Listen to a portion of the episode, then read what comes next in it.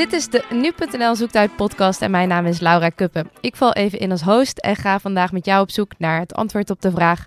Hoe word jij beïnvloed om minder vlees te eten? Deze vraag had een lezer en stond op het reactieplatform Nu Jij onder een nieuwsbericht.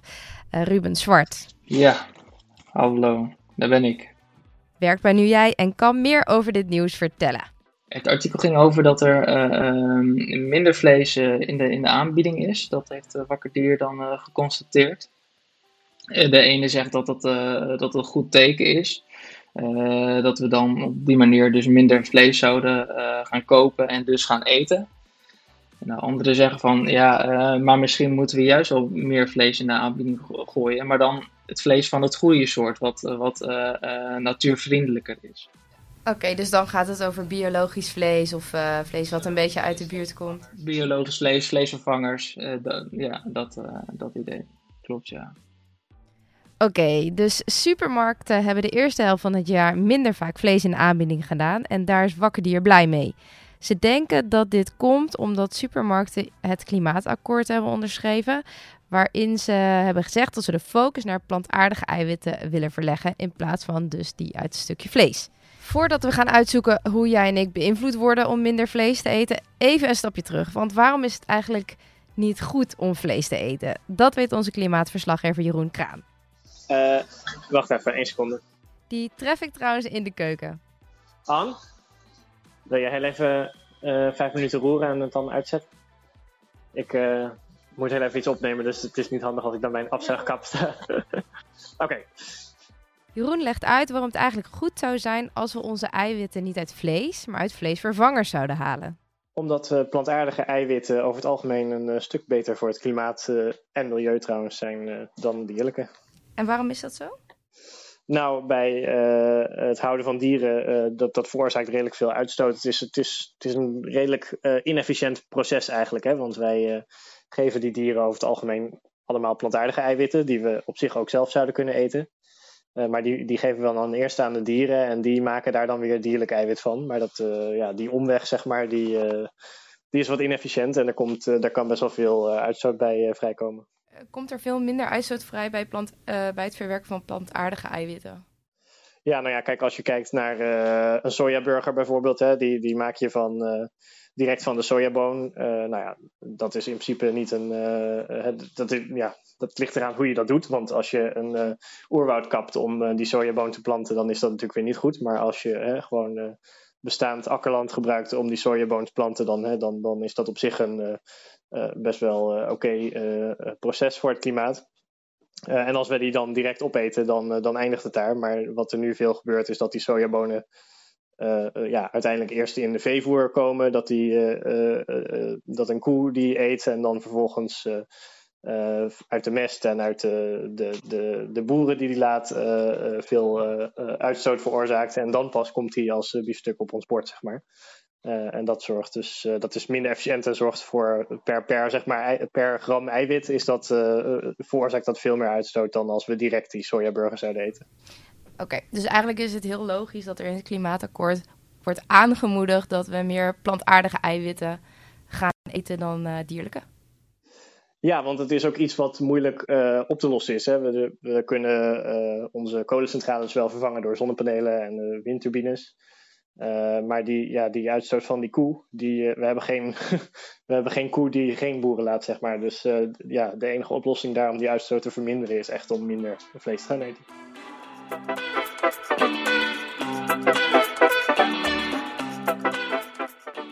Dus het milieu is erbij gebaat en supermarkten onderschrijven dat. Maar ik merk er eigenlijk nog maar weinig van als ik boodschappen ga doen. Daarom bel ik met retail-expert Michel Kregel, die alles weet over supermarkten.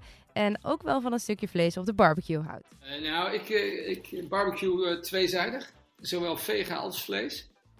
Dus helemaal ervan afkomen, zover ben ik niet. Maar er is wel een bewust proces gaande.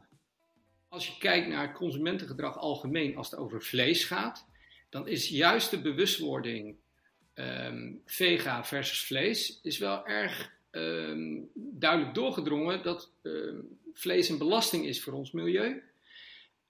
daarbij zijn er ook nog wel bij vega een aantal dingetjes te benoemen. Ehm, en dat vlees ook een andere plek in de maatschappij gekregen heeft. En wat merk ik daar dan van als ik met mijn boodschappenmandje naar de... Nou, bij mij zit bijvoorbeeld uh, de Boni op de hoek. Daar ga ik dan uh, mijn boodschappen doen voor het avondeten. Wat merk ik er dan van dat uh, de supermarkten bezig zijn met die bewustwording?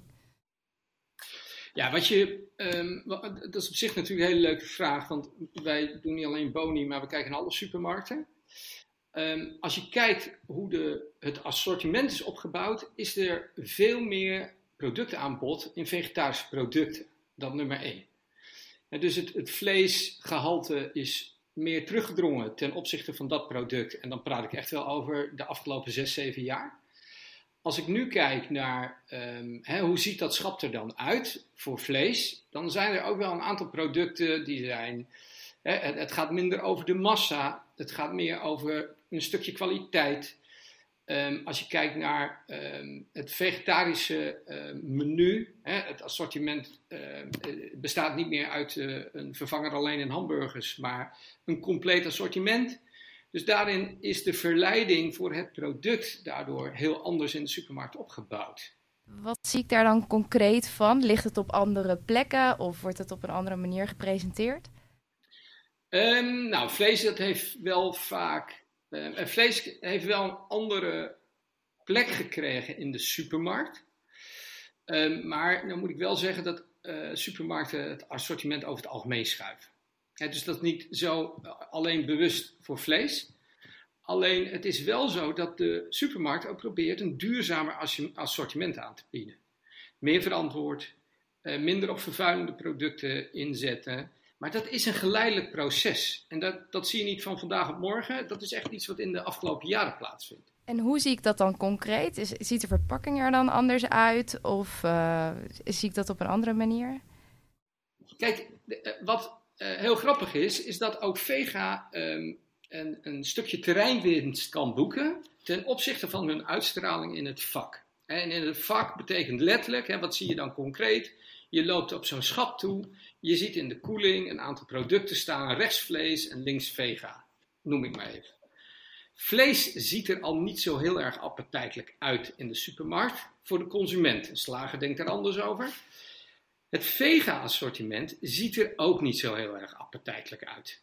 Als ik nog één keer even um, naar mijn uh, hamburgervoorbeeld van daarnet mag gaan, dan zie ik daar een grijze schijf liggen.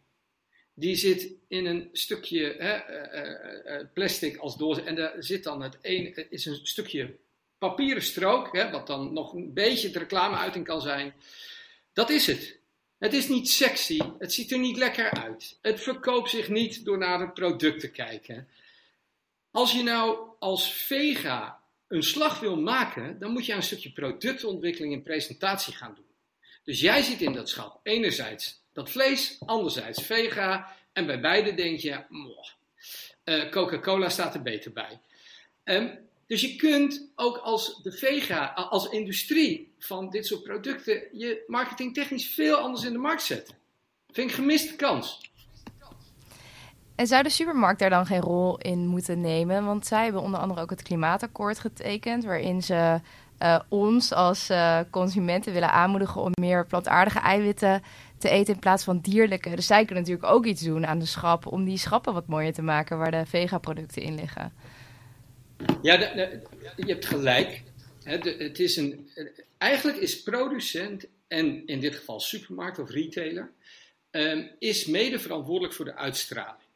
Alleen als ik als producent van een vega-product al een verpakking maak die er niet uitziet, dan kan ik bloemen planten, de, de, aantrekkelijkheid van mijn schap, fantastisch opblazen, maar het ziet er nog niet uit. Dus ja, de supermarkt moet er iets aan doen, maar ja, de producent moet er ook iets aan doen. Wat nog leuk is, we hebben het sterk over supermarkt in combinatie met de aankoop van, van vega-producten. Um, de horeca is ook een onderdeel waar vega natuurlijk uh, inmiddels prominent op de menukaart staat. En daar waar, um, als ik nog één keer met je, met je trendontwikkeling meega in tijd, Hè, zeven jaar geleden neem je een, een menukaart waar een vega gerecht op staat. Waarbij je denkt, nou, weet niet. Terwijl als je nu naar die menukaart kijkt en menig restaurant daarvoor bezoekt, dan is dat gewoon, dat zijn fantastische gerechten. daar, je, daar, daar, eet je met vleesvervangers waarbij je niet eens merkt dat je een vleesvervanger hebt. Eigenlijk zou dat al niet moeten, maar oké. Daarbij is het product gewoon in uh, zwaarte, want veeg heeft nog een nadeel en dat is dat het minder vullend is in bepaalde combinaties dan vlees. Is niet helemaal waar, maar is wel vaak wat naar voren komt. Um, dus in het menu wat een restaurant samenstelt, wat een, een, een, uh, een, een vegetarisch gerecht is, maar wel in, in, ik zeg maar in verzadigingsgraad hetzelfde met zich meebrengt als vlees, of een combinatie van vlees. Um, daarmee wordt uh, vega steeds interessanter en ziet er ook appetijtelijk uit. Dus als ik een goed voorbeeld heb in, in het restaurant, dan ga ik ook mijn boodschapjes vaak iets anders doen.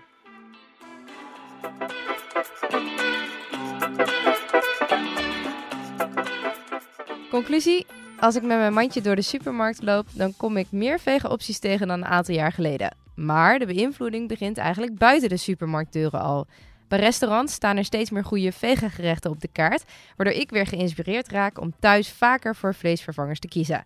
De verpakking van die vega-opties zien al aardig uit, maar er is volgens retail-expert Miso Kregel nog wel een land te winnen met het voorkomen van de vleesvervanger.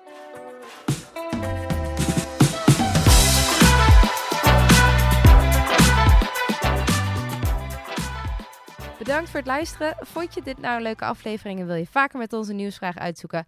Abonneer je dan op onze podcast, bijvoorbeeld in Spotify.